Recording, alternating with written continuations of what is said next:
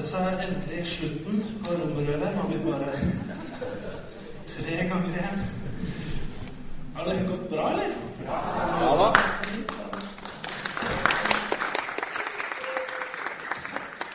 Tende, del, del 15. Jeg syns det bra tall. I dag skal jeg komme til kapittel 14. Nå er det sånn at eh, Kapittel 14 det brukte jeg to søndager på i eh, september.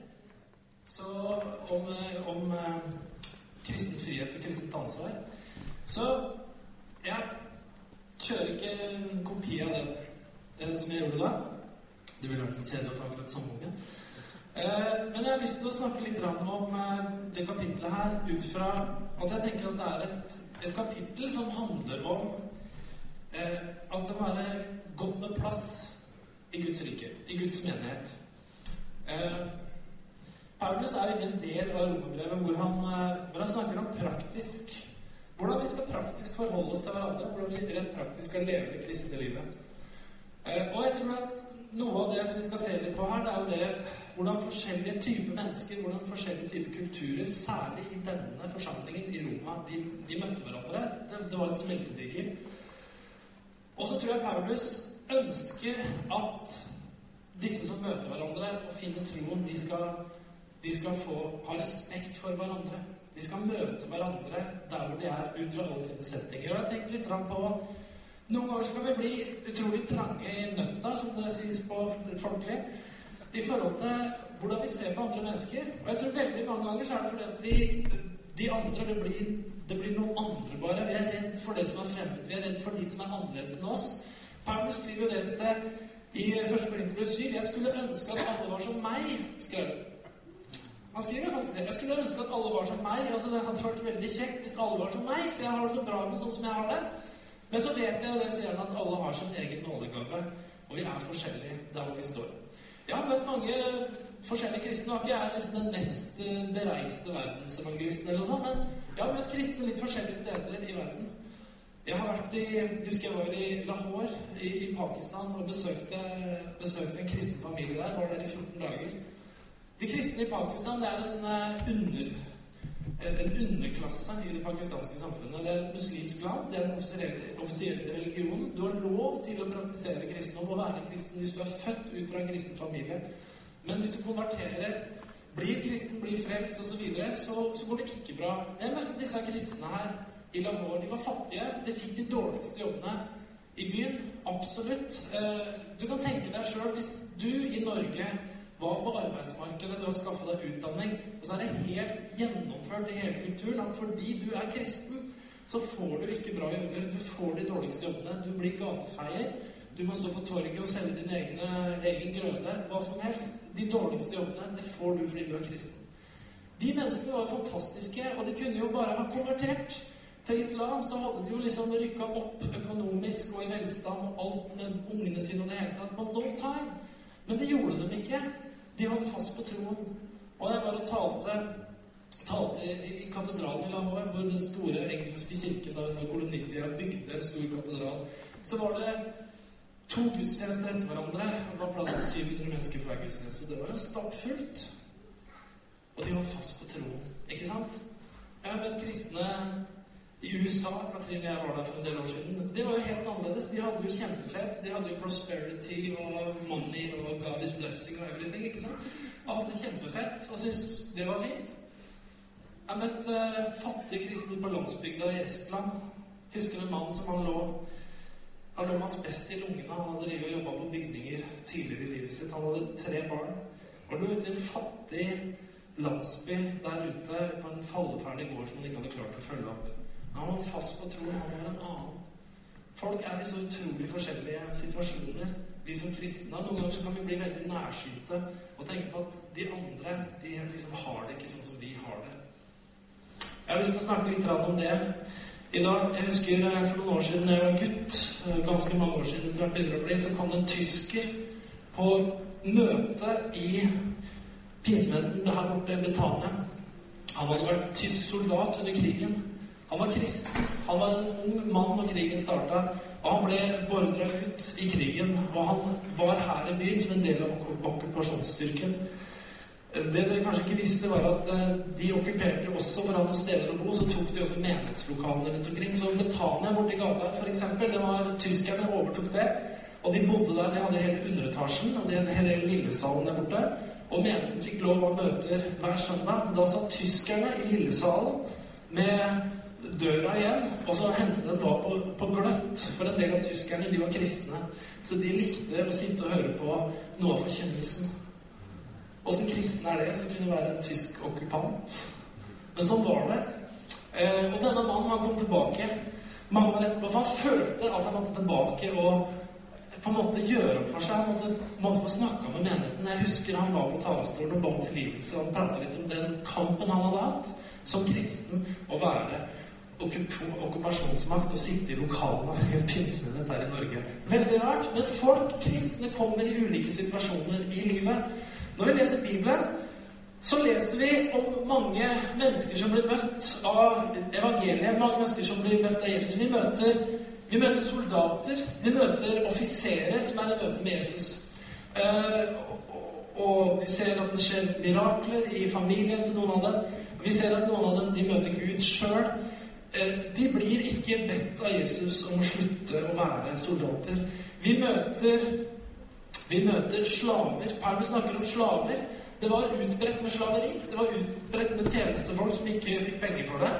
Eh, Paulus snakker om at dere som, dere som er treller i et hus, og dere skal gjerne søke å bli fri, men men vær hos deres Herre, både de dårlige og de gode.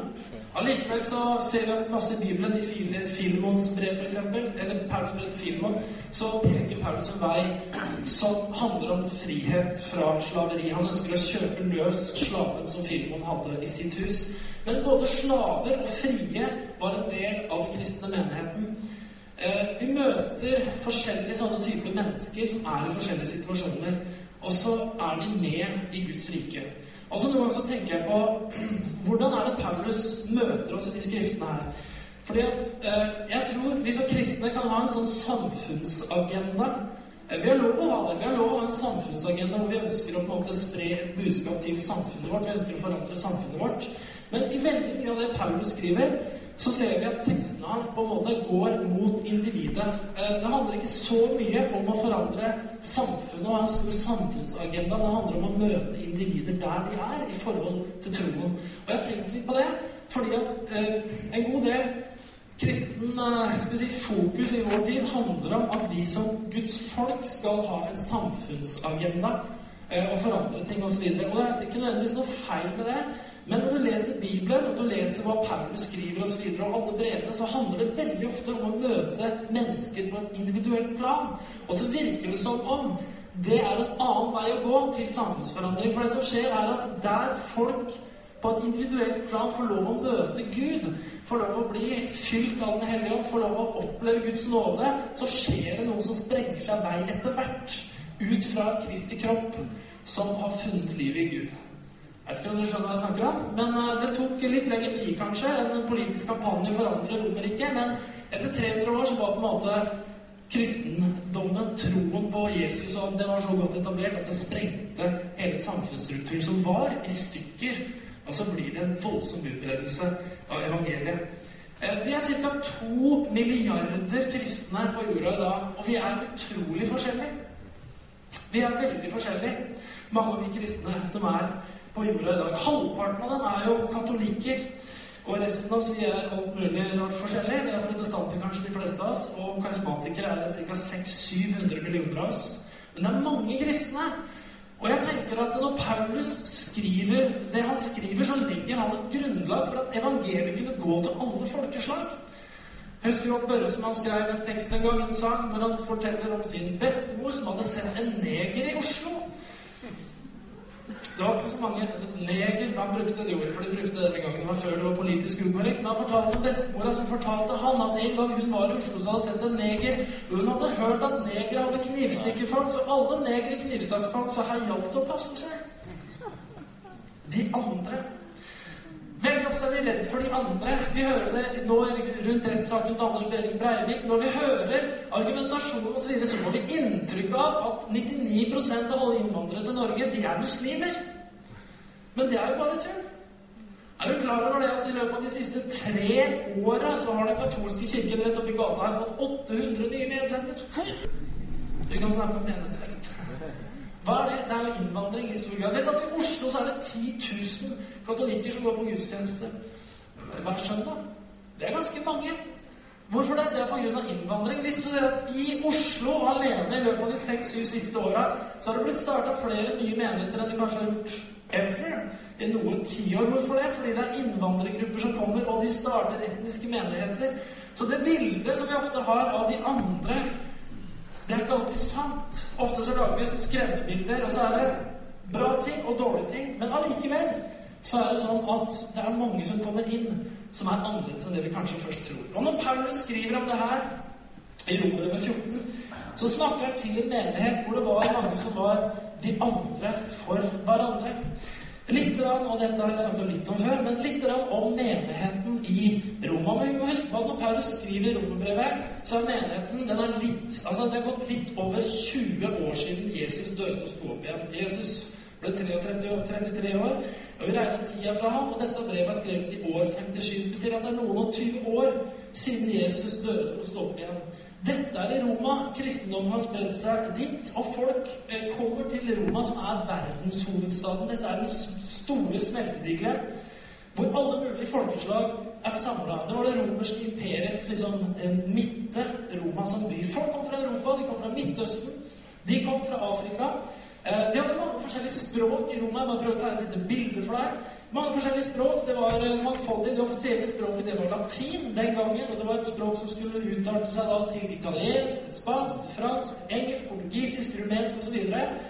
Og de hadde også sterke innslag av gresk kultur i Roma. Det var mange som hadde greske tjenestefolk i huset sitt. Eh, greske slaver. Som, eh, som, var der. Så det var, det var, mye gresk litteratur, mye gresk filosofi, mye gresk tenking som ble et sterkt innslag i Roma. Det var en smeltedigel. Eh, og vi kan også se at Bibelen ble skrevet på gresk. Så gresk var det kristne språket, kan vi si. Hele Nytestamentet er jo skrevet eh, på gresk. Så det var en kulturell smeltedigel. Det var, Roma var en by med tavernaer. Det var idrettsarenaer, ikke sant, som vi kjenner til. Eh, det var mangfoldig matkultur. Det var import av vin, det var import av oljer, råvarer fra hele imperiet. Det var bordeller. Det var treningssentre, såkalte gymnasiumer. Eh, det var teatre, teatret, det var masse arkitektoniske retninger. Det var en stor smeltedigel for innvandring. Og det var i det hele tatt veldig mye mangfold. Eh, og i dette mangfoldet så kommer da evangeliet. Og her er det liksom ikke italienere alene. Her er det jøder, her er det italienere, her er det spanjoler, her er det franskmenn, her er det afrikanere, her er det nordeuropeere. Her er det folk fra alle mulige sammenhenger som kommer inn, og evangeliet slår igjennom. Det kan ligne litt på noen byer som vi har i Vesten, sånn som New York. Jeg husker Katrine jeg var der eh, for en del år siden. En del år siden da hun var på Manhattan. Det er et lite område. Hvis du kjører den der part, hva det for noe? Den veien som går på, på utsida, i hvert fall langs vannet, Hudson River på Manhattan, så tar det kanskje ti minutter, kanskje maks et kvarter, for å kjøre fra nord til syd på Manhattan. Og så har du alle gatene da, ikke sant, inni der. Og der er du helt delt opp. Der har du Wall Street og det området nederst nord. Og så kommer, eh, kommer uh, italiensk uh, ikke sant, område, og så, det, og så, er det, kinesisk, og så er det liksom motehusa-området. ikke sant, Så er det parken, Central Park, og så blir det altså det, Der hvor de mørkhuda er i, i Harlem, altså så Spanish Harlem. Det tar bare noen minutter å kjøre. Jeg husker vi kjørte feil. Vi skulle på kamp med New York Yankees på baseballkamp. Vi kjørte gærent over en bro. Vi kom inn i Spanish Harlem. Og det var ikke noe hyggelig der. Vi var litt nervøse. Låste alle dører og sånn. Men da så vi jo ingen hvite. Og så kjørte vi ti minutter lenger ned. Så kom vi ned der hvor restauranten til Seinfeld ligger. Den der på hjørnet, vet du.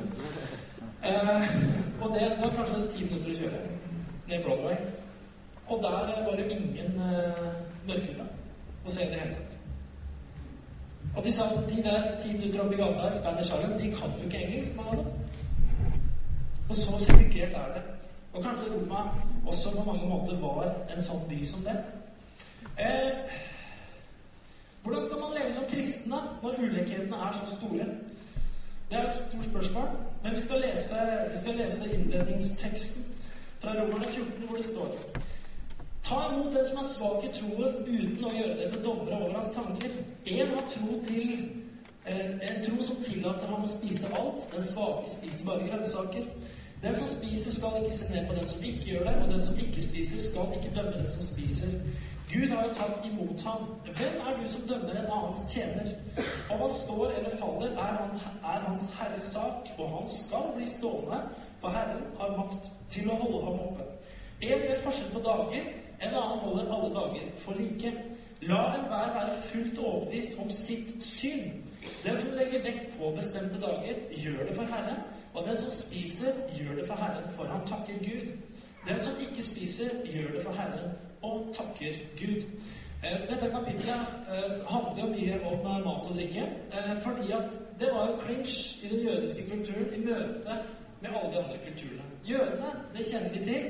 De spiste ikke svinekjøtt, f.eks. Det var visse typer dyr de holdt seg unna, som var definert som urene. Da hadde Jesus sagt at, erklært at alle dyr var rene, så dere kan spise alt, og dere kan drikke alt. Allikevel så er det her en sånn tydeligvis en krasj i denne menigheten, siden Paulus må snakke om det med alle disse kulturene som møter hverandre. Og for meg så er det kanskje noe av nøkkelverset her, det er det som står i vers 3. Den som spiser, må ikke se ned, ned på den som ikke gjør det, og si Er du ikke fri? liksom? Har du ikke frihet i Kristus? Ikke sant? Hvorfor kan ikke du også spise det jeg kan spise? ikke sant? Dette er liksom bra, og dette er reint, osv. Og så sier han også den som ikke spiser, han skal ikke dømme den som spiser. Altså si 'Du spiser, dette er ikke bra. Dette, dette liksom er Gud imot, og dette er uheldig, og dette er urent', osv. Dette her, sier Paulus, eh, hvorfor er det en som dømmer en annens tjener? Om han står eller faller, det er hans Herres sak, og han skal bli stående. For Herren har makt til å holde han oppe. Én gjør forskjell på dagen, én holder sabbaten, og en annen gjør det ikke. Ikke sant? Det er opp til den enkelte. Om du vil holde én dag fremfor en annen, så gjør det. Men om du vil la være, så er du også fri til det. Hver og en må bare være fullt viss, i full visshet med seg sjøl om at han gjør det han gjør, i tro. Det er det viktige, sier Paulus. Eh, og så diskuterer han masse om det her, men det handler jo i september, så jeg skal ikke ta alt det nå. Eh, det som Paulus er opptatt av, det er at det skal være en åndelig enhet i menigheten. Hva er det enheten skal bygge på? Og jeg vet at det er bra for kirker. Jeg tenker at det er bra for kirker, det er bra for menigheter å bygge en homogen kultur. Men det må ikke bli en trang kultur. Det må være plass. Det må være plass nok til alle mennesker. Han skriver i Feserbrevet 4.1-6.: Og formaner dere, jeg som er fange for Herrens skyld, at dere lever et liv som er verdig det kall dere har fått. I mildhet, ydmykhet og storsinn, så dere bærer over med hverandre. Sett alt inn på å bevare åndens enhet. Det er den enheten vi skal bevare. I den fred som binder sammen. Det er én kropp, det er én ånd, slik dere fikk ett håp da dere ble kalt. Det er én Herre, det er én tro, det er én lov, det er én Gud, det er alles far. Han som er over alle og gjennom alle. Det handler altså om åndens enhet, troens enhet. Og vet du hva? Det er så fantastisk når vi er kan reise rundt til andre land, andre nasjoner, andre kulturer. Så kan vi treffe mennesker som har troen, og vi kjenner det at vi har samme ånd. Vi har samme tro. Amen. Og jeg syns det at ofte så har, så har Og det gjelder ikke bare oss i vår sammenheng, men vi som kristne blir ofte litt sånn trange når det gjelder hvem vi nesten kan være sammen med. Og jeg må si jeg er veldig glad for alle kristne Uansett hvilken sammenheng de kommer fra. Jeg syns vi burde takke Gud for hver eneste kirke, hvert eneste bedehus, for hver eneste forkynner, som Paulus sa. Noen forkynner evangeliet til meg for å legge byrde til mine lenker, men jeg takker allikevel Gud for dem, fordi evangeliet blir i alle fall forkynt. Ikke sant? Det er noe av den rausheten der som vi må ha. Selv om vi er så forskjellige. Jo flere mennesker det er plass til, jo mer raushet må det være i et kristent fellesskap. Jeg snakka med de oppe i den katolske kirken her. Eh, og, og vi, vi, var en samling der med prester og pastor her eh, forrige uke. Og så kom man inn på forskjellige temaer, og man prater osv. Og, så og en av de tinga vi kom inn på, som bl.a. står med det kapitlet her, det var eh, det var, eh, var avholdssaken. Og vi snakka om det, kom inn på det. Og spurte, spurte pateren, som er fra Vietnam, åssen står det i den katolske kirken? Og så svarer de right, vi er jo altfor mange til å lage en ensidig greie på det. Altså, vi er en milliard. Så det, de blir for mange. Og så forteller han så har han det litt morsomt at han forteller at nå ganske nylig så skulle de ha besøk av en italiensk biskop som skulle opp her og gjøre skriftemål i menigheten. Og den italienske biskopen han eh, gjorde som han pleide. Han skulle ha lunsj, og så skulle han ha skriftemål etterpå. Og til lunsj så skulle han ha sin vanlige mat, og sånn og sånn og sånn. Og så skulle han ha rødvin selvfølgelig til lunsjen. Det hadde jo alltid hatt i hele sitt liv. Så det skulle han ha. Så det hadde han jo da. Problemet var at han skulle inn og gjøre skriftemål etterpå. Så kjenner jo han pater Y her oppe han kjenner det at ut av skriftemålsboksen så kommer det en lukt.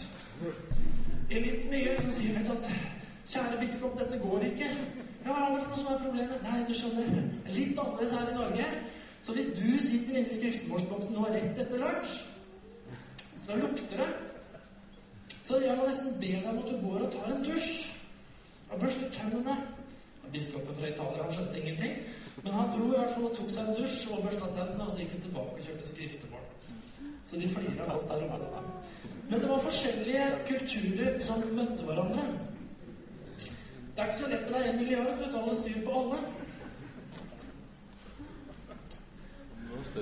Det som er, det som er, er at eh, noen ganger så kan kristen, kristne forsamlinger bli litt sekteristiske. Det er en som har sagt at sekterisme handler om at du skal bli ny i den forstand at du blir akkurat som oss. Som jeg fikk beskjed når jeg gikk på bibelskole, det beste med din fortid er at den er bak deg. Og det det er en veldig negativ måte å se på livet sitt på. At når du kommer på bibelskole, så det beste med livet ditt inntil nå er at det er bak deg. Altså din historie betyr ingenting hva? Det er dumt å si. Jeg tror det at historiene våre betyr fryktelig mye. Jeg tror at historiene våre, livet våre, sånn som det er formet, er noe vi har med oss. Og så er det noe som heter helliggjørelse, noe som heter endring av karakteren vår osv. osv. Men allikevel så skal vi være forsiktige med å gjøre endringer i folk som ikke er av Gud. Jeg tror vi skal la Den hellige ånd ta seg av en del av den jobben der. Jeg tror at et ekte engasjement, det, det fødes i frihet. Frihet til å kjenne Jesus, frihet til å finne ham, frihet til å finne livet, frihet til å leve inspirert av Gud. Det er en som heter eh, lord Acton fra, fra 1800-tallet. Han høres gammel ut, men det tenkte også bra tanker da. Han sier det at når man ikke selv kan ta sine egne beslutninger, så trenger man heller ikke å gjøre overveielser. Tenkeevnen og fornuften den synker hen. Folk blir dumme. De tenker ikke over hva de gjør. Vi får tre personlighetstyper som alle er et uttrykk for uselvstendighet, som blir et resultat av autoritetens kverning. Og det kan føre til tre personlighetstyper. Han sier det første det kan føre til, er den rigide. Uh, når vi snakker om rigid, så betyr det egentlig å være stiv. Har du hørt om a rigid construction på engelsk, så betyr det en stiv konstruksjon. Vi kan bli rigide mennesker noen ganger. Fariseerne var sånne rigide mennesker. De hadde alle sånne små regler på plass. De hadde alle små retningslinjer på plass. Og alt var veldig stivt. Det var liten fleksibilitet i det fariseriske leiren. Når Jesus kommer, så er han veldig fleksibel. Eh, disiplene hans de går og tar, korn ikke sant, på åkeren og spiser av det på sabbaten. De gjør det hele mye gærent på sabbaten. De bærer, ber folk om å bære bårer. De helbreder på sabbaten. De gjør mange ting som ikke er innafor den boksen som fariseerne hadde. Og det frustrerer det veldig.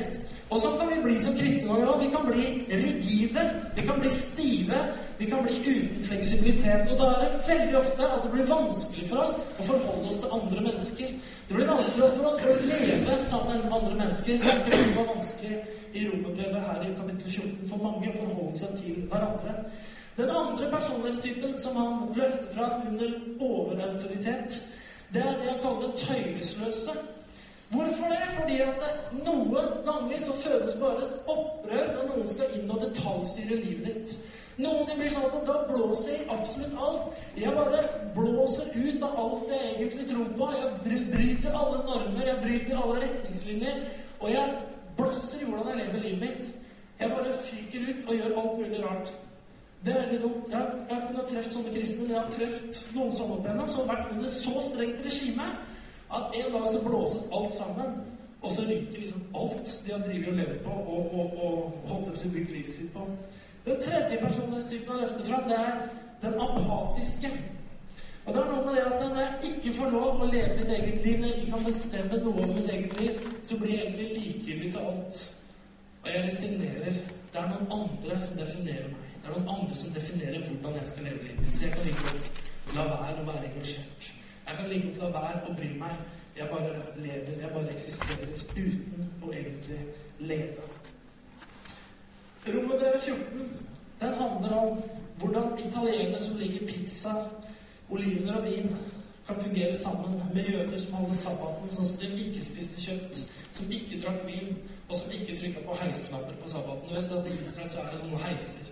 På sabbaten på hotellene så er det sånn at heisen stopper i hver etasje. Jeg husker jeg bodde på hotell Hilton i Jerusalem. Hvorfor det? Fordi at de ortodokse jødene de skulle ikke jobbe på, på, på sabbaten skulle ikke trykke på den knappen til femte etasje, så at heisen stopper alle etasjene, sånn at du bare kunne gå inn og gå ut igjen uten å trykke på knappen. Og det mente de var viktig for å tjene Gud. Og det Paulus sier, det er at vet du hva? Egentlig så er det helt greit, det. Hvis det er noen som vil la være å trykke på heisknappen på lørdag, som jo egentlig er sabbaten, så må de få lov til det. Men om det er noen blant dere som har lyst til å trykke på knappen på sabbaten, så er det helt greit, det òg. Det er veldig banalt, men det er virkeligheten. Altså, det er Noe av det han skriver om, er at folk er forskjellige. Folk har forskjellige løsninger på ting, og de har forskjellig samvittighet i forhold til ting. Vi leste videre i Rombrevet 1-3.: Ta dere imot den som er svak i troen, uten å gjøre det til dommere over hans tanker. Én har en tro som tillater ham å spise alt. Den svake spiser bare grønnsaker, og den som spiser, skal ikke se ned på forakte den som ikke gjør det. Og den som ikke spiser, skal ikke dømme den som spiser. Gud har tatt imot ham. Paul skriver om det her andre steder, f.eks. med kjøtt som ble brukt til, til avgudsofferdyrking. Enkelte, enkelte hedenske skikker var jo sånn at de tok kjøtt, de ofra det til avguder osv. Og, så og så tok de noen ganger da kjøtt og solgte i slakteboden etterpå. Og da kunne det være et problem for noen. Fordi For noen så var det sånn at dette kjøttet som var brukt til avgudsofferdyrking, det var på en måte blitt urent. Det har blitt brukt til noe avgudsdyrkende. Og da er spørsmålet når du gikk inn i kjøttbutikken hva slags kjøtt er det her? Er det vanlig liksom svinenakke? Eller har denne svinenakken blitt brukt i en avgudsofringshandling? Hvis den har blitt brukt til det, så kan jeg ikke kjøpe det. Var enkelte samvittighet. Og Paulus sier da lar du være å spise det kjøttet. For andre så følte de ikke noe spesielt ille med det. De hadde ikke noe forhold til de avgudene, så de syntes egentlig det var greit å spise det der avgudsofferkjøttet. Det kan vi gjøre. Jeg har fått noe dårlig samvittighet av det. Og Paulus sier her må dere velge hva dere gjør. Saken er at det er jo ikke noe problem med dette kjøttet, her, for at de gudene som det er ofra til, det fins jo ikke allikevel. Ikke sant? Det er ofra til Gud som ikke fins, så det er ikke noe stort problem, egentlig. Men hvis du er vant til at det er avgudsofferkjøtt, sier Paulus, så la det være for samvittigheten sin skyld. Ikke sant? Så er det sånn at du trenger ikke da sitte på restauranten med et skilt på bordet ditt hvor det står 'Akkurat nå spiser jeg avgudsofferbiff'. For hvis det går en forbi akkurat da som har problemer med det, så kan han få problemer av det. Så det bør liksom ikke gni opp i ansiktet på folk og gå med på at 'jeg gjør det'. Halleluja, jeg er så fri. Ta hensyn til de andre, er Paulus budskap i den sammenhengen her. Livsnytere og asketer, vi finner dem igjen i, i, idrettslag, vi finner dem igjen i skoleklasser, vi finner dem på arbeidsplassen, vi finner dem igjen i menigheter. Det fins veldig forskjellige mennesker rundt omkring. Vi leste også i rombrevet jeg skal lese litt videre, Hvem er du som dømmer en annens tjener? Han står eller faller, Om han står eller faller, er Hans Herres sak. Og han skal bli stående, og Herren har makt til å holde ham oppe. Eh, det har vi også vært veldig flinke til mange ganger i kristen sammenheng. Det er å kalkulere hvem som faktisk er ordentlig kristne, og hvem som er stående, og hvem som er frafallende, og hvem som er brennende. Vi har ganske klare definisjoner på det. Eh, har vi veldig ofte hatt. Men saken her er at det vet du ikke alltid så mye om. Noen ganger så er det mennesker som kommer i vanskelige livssituasjoner som gjør at livet forandrer seg noe. Jeg leste akkurat et ganske sterkt intervju med Solveig Leithaug. Sangtrubadur, visesanger, ga plater, solgte som bare det. Var kjent, profilert, ektemann, profilert som par. Så har en mann som i yngre år har hatt rusproblemer. Og etter mange års ekteskap så blir fanga inn igjen av det. Og hun skriver om, forteller, så føler at alt, alt rasa. Hvor ble det av dette, denne flotte kristne familien? Og så går ekteskapet i stykker. Og så er det så mye som skjer som man ikke forteller om før det har gått mange år etterpå. Og så kommer spørsmålet hva er det som har skjedd med de? Hva er det som har skjedd med hun? Hva er det som har skjedd med han? Og så videre og så videre. Og så kan vi så lett sjalte ut folk og si at nå har blitt frafall, nå er det borte, nå er det ute av tjenesten. Livet byr ofte på mange utfordringer for folk. Om de blir stående, eller om de faller, vet du hva? Det er opp til Herren. Men han skal sørge for at de blir stående. Fortalte akkurat til Bent Ove her, tror jeg. Jeg traff en som het Knut. Jeg husker han ble frelst da jeg var tenåring. Han var ca. så høy og så blei. Han var alkoholiker. Han gikk i byen her, på gata, og var uteligger. Så ble han frelst. Møtte Jesus skikkelig. Han var, på evangeliesenter og fikk renska opp livet sitt, og det gikk veldig bra. Og så kommer han tilbake til byen, og som en del andre så faller han utpå. Han blir borte fra menigheten, han blir borte fra det her. Og så har vi bryggemøte nede på brygga her en sommer. Og så ser jeg Knut, han sitter på kaikanten nede på brygga, der hvor kysten pleide å ligge. Han er full, han har sår i ansiktet, han er sliten, han har ligget ute lenge. Og som en breddende brennende, ung, fin kristen jeg var, så gikk jeg selvfølgelig bort der for å vitne litt mer for ham. Og så spurte jeg litt åssen går det. Og så spurte jeg Tror du på Jesus fortsatt? Så kikka han på meg. Om jeg tror på Jesus? Og så grein han. Selvfølgelig gjør jeg det. Selvfølgelig tror jeg på Jesus. Det er det, det, er det jeg tror aller mest på. Men jeg har mislykkes. Så satt han der. Det følte jeg meg utrolig dum. For jeg tenkte på en eller annen måte han hadde blitt frafallen. Men han hadde ikke blitt frafallen. Bare at livet hans hadde gått i stykker. Han hadde et problem som han trang å jobbe med.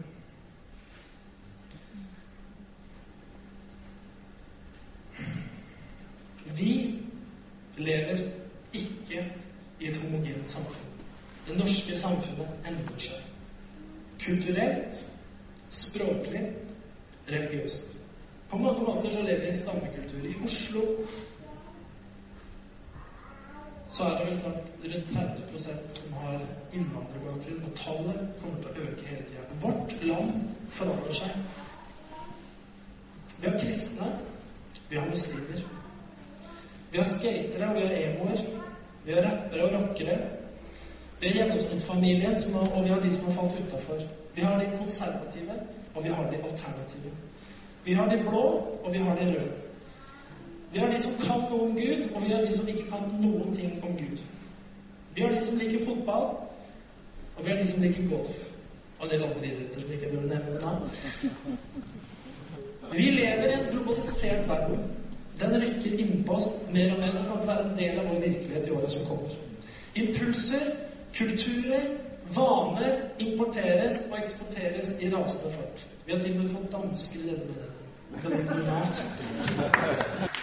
Men sånn sett, sånn som vårt samfunn er i ferd med å bli, og alt som raser inn, så ligner vi mer og mer på Roma anno år 57. Det er kulturer, det er språk, det er innflytelser, det er ulike bakgrunner. Det er masse som vi møter. Og dette renskårne, norske, homogene et eller annet som vi hadde en eller annen gang, som kanskje er mer en illusjon enn virkelighet enn det virkelig var, det er annerledes.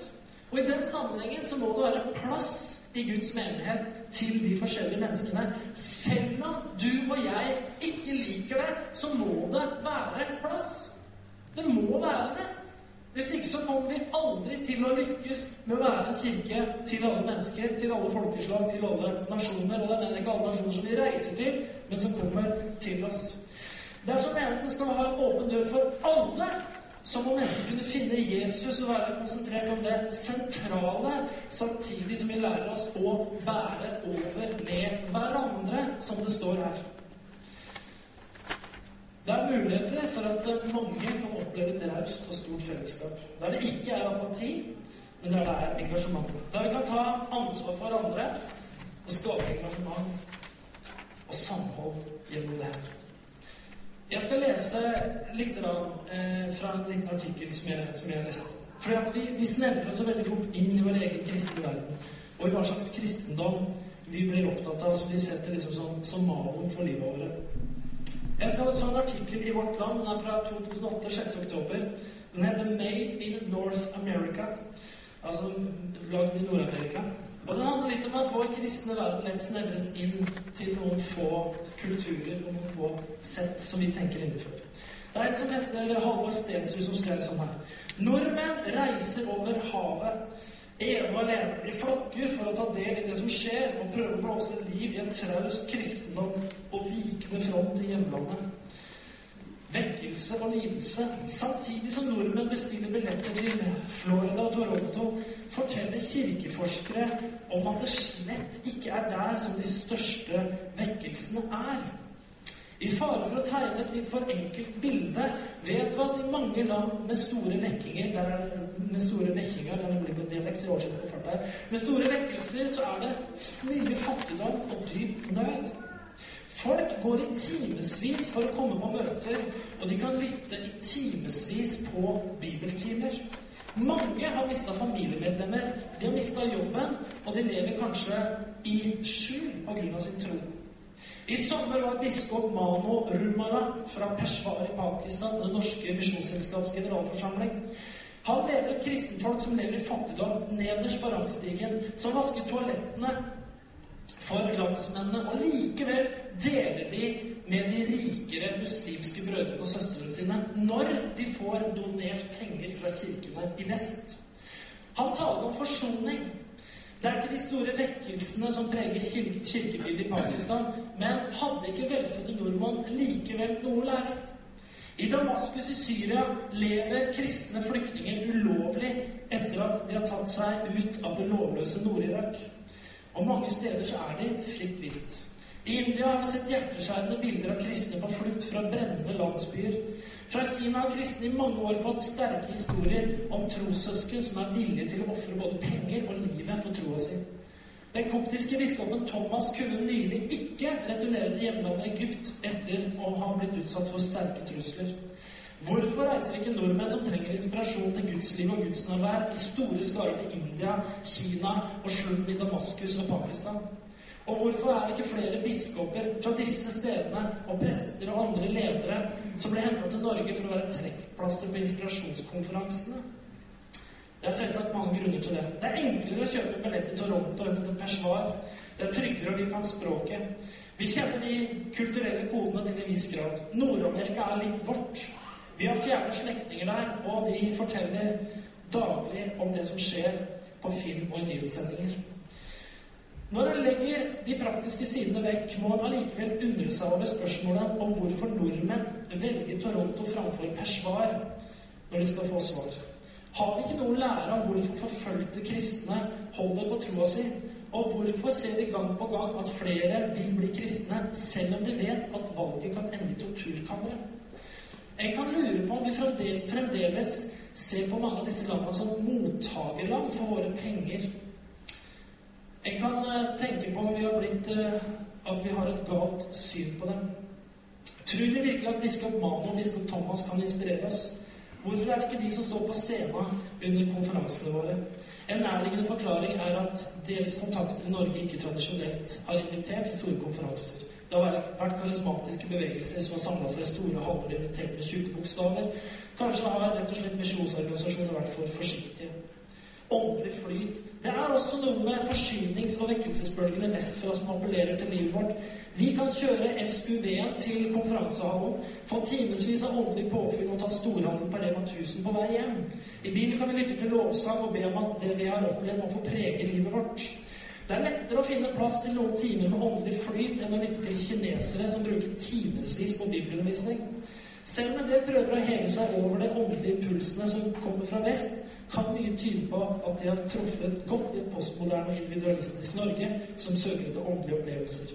Går vi likevel glipp av viktige impulser når vi ikke ser sør og østover? Ja, jeg det var en interessant artikkel.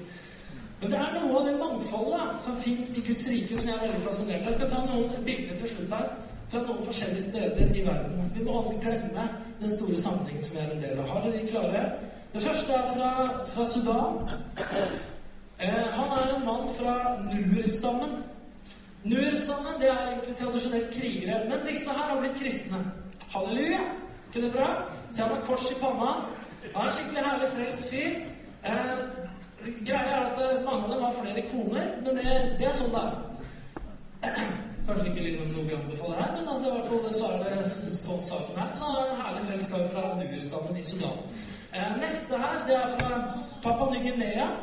Hvor eh, kristen eh, evangelien, evangeliet har et skikkelig gjennombrudd. Du ser han har Nytestamentet under armen her. Han er en eh, bror av oss, bare så dere er klar over det. Sånn. Eh, sånn at eh, liksom, Han er der, og han har Nytestamentet under armen, og han er på vei til gudstjeneste, og han priser Gud. Og der er det veldig mange av de kristne Det, er, ja, det preger hele landet, egentlig, at eh, kristendommen har fått et skikkelig gjennombrudd. Så glory to God. Bibelen er overalt. Neste bilde er fra Spania. Der er det munker som ligger og ber. Eh, munker har vi ikke så sansen for, men eh, de ber, og så tenker vi at de ber sikkert bare sånne tullebønner. Sånne bønner som egentlig ikke Gud hører. De ber sikkert ikke hjertet sitt og sånn.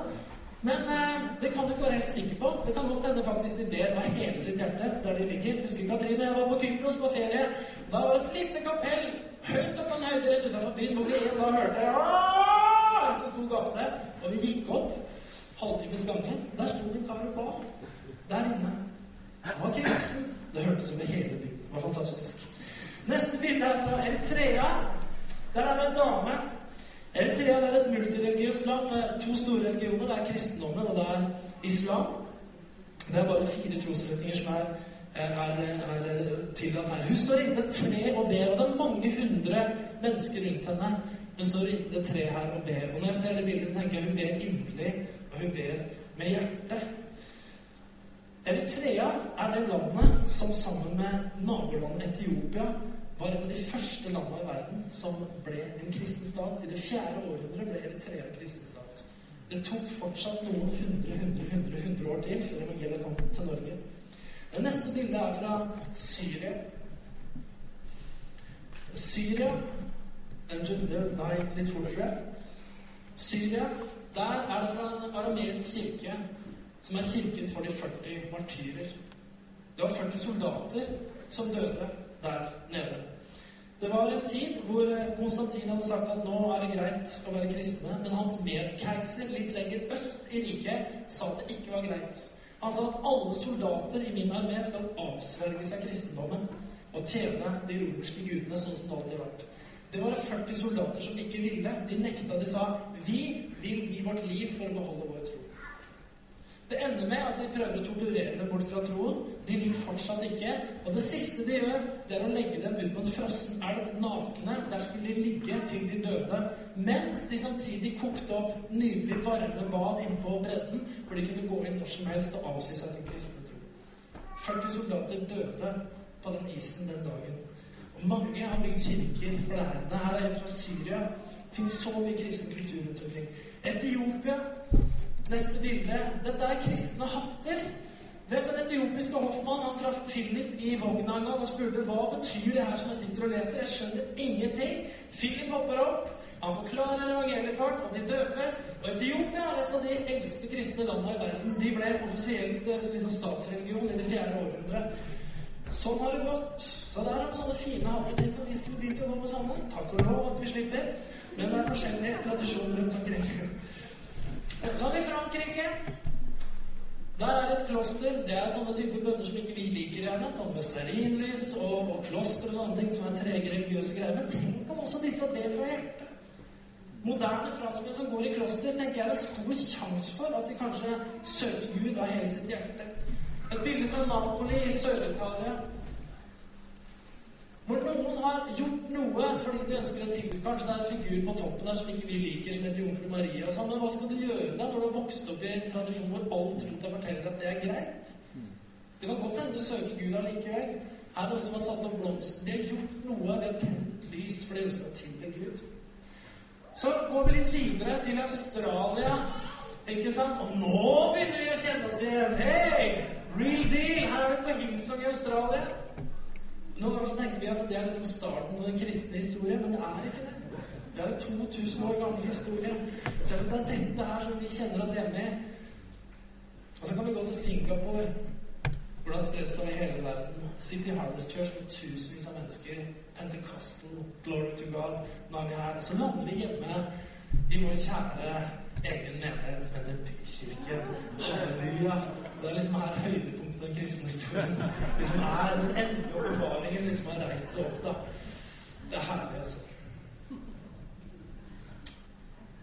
Det var veldig mange tanker i dag. Poenget er det at når Paulus skriver rombrevet, så legger han en fantastisk grunnvoll for utbredelsen av den kristne kirke. Hvor det er plass til så mange folkeslag, til så mange kulturer, til så mange forskjellige ting. Det er det jeg har lyst til at du skal ta med deg da.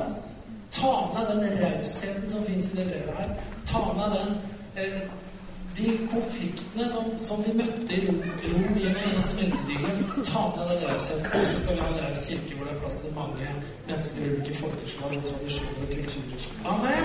Herre, vi takker deg for uh, dette fantastiske brevet. Som ikke bare forteller oss om rettferdighet ved tro, men det forteller oss også om en enorm raushet det forteller oss om å ta vare på det sentrale i troen og la Den hellige ånd bære frukt i våre liv. Det forteller også om at det er plass for alle mennesker fra alle mulige tradisjoner, fra alle mulige kulturelle bakgrunner. Uansett språk, matkultur, musikkultur, språkkultur Hva det enn kommer ifra, Herre, så takker vi deg at du lagde en menighet hvor du har plass til alle mulige mennesker. Så hjelp oss, Herre, å ha dette store hjertet for alle kristne, ikke bare for de som er i andre land, også de som vi møter her i vår egen by, som måtte være litt annerledes enn oss. La oss alle få samlet rundt ditt kors i tilbedelse og bli forvandla av ditt nærvær. Jeg takker deg for, far. I Jesu navn, og alt folket sa Amen. Kjempebra. Takk skal dere ha.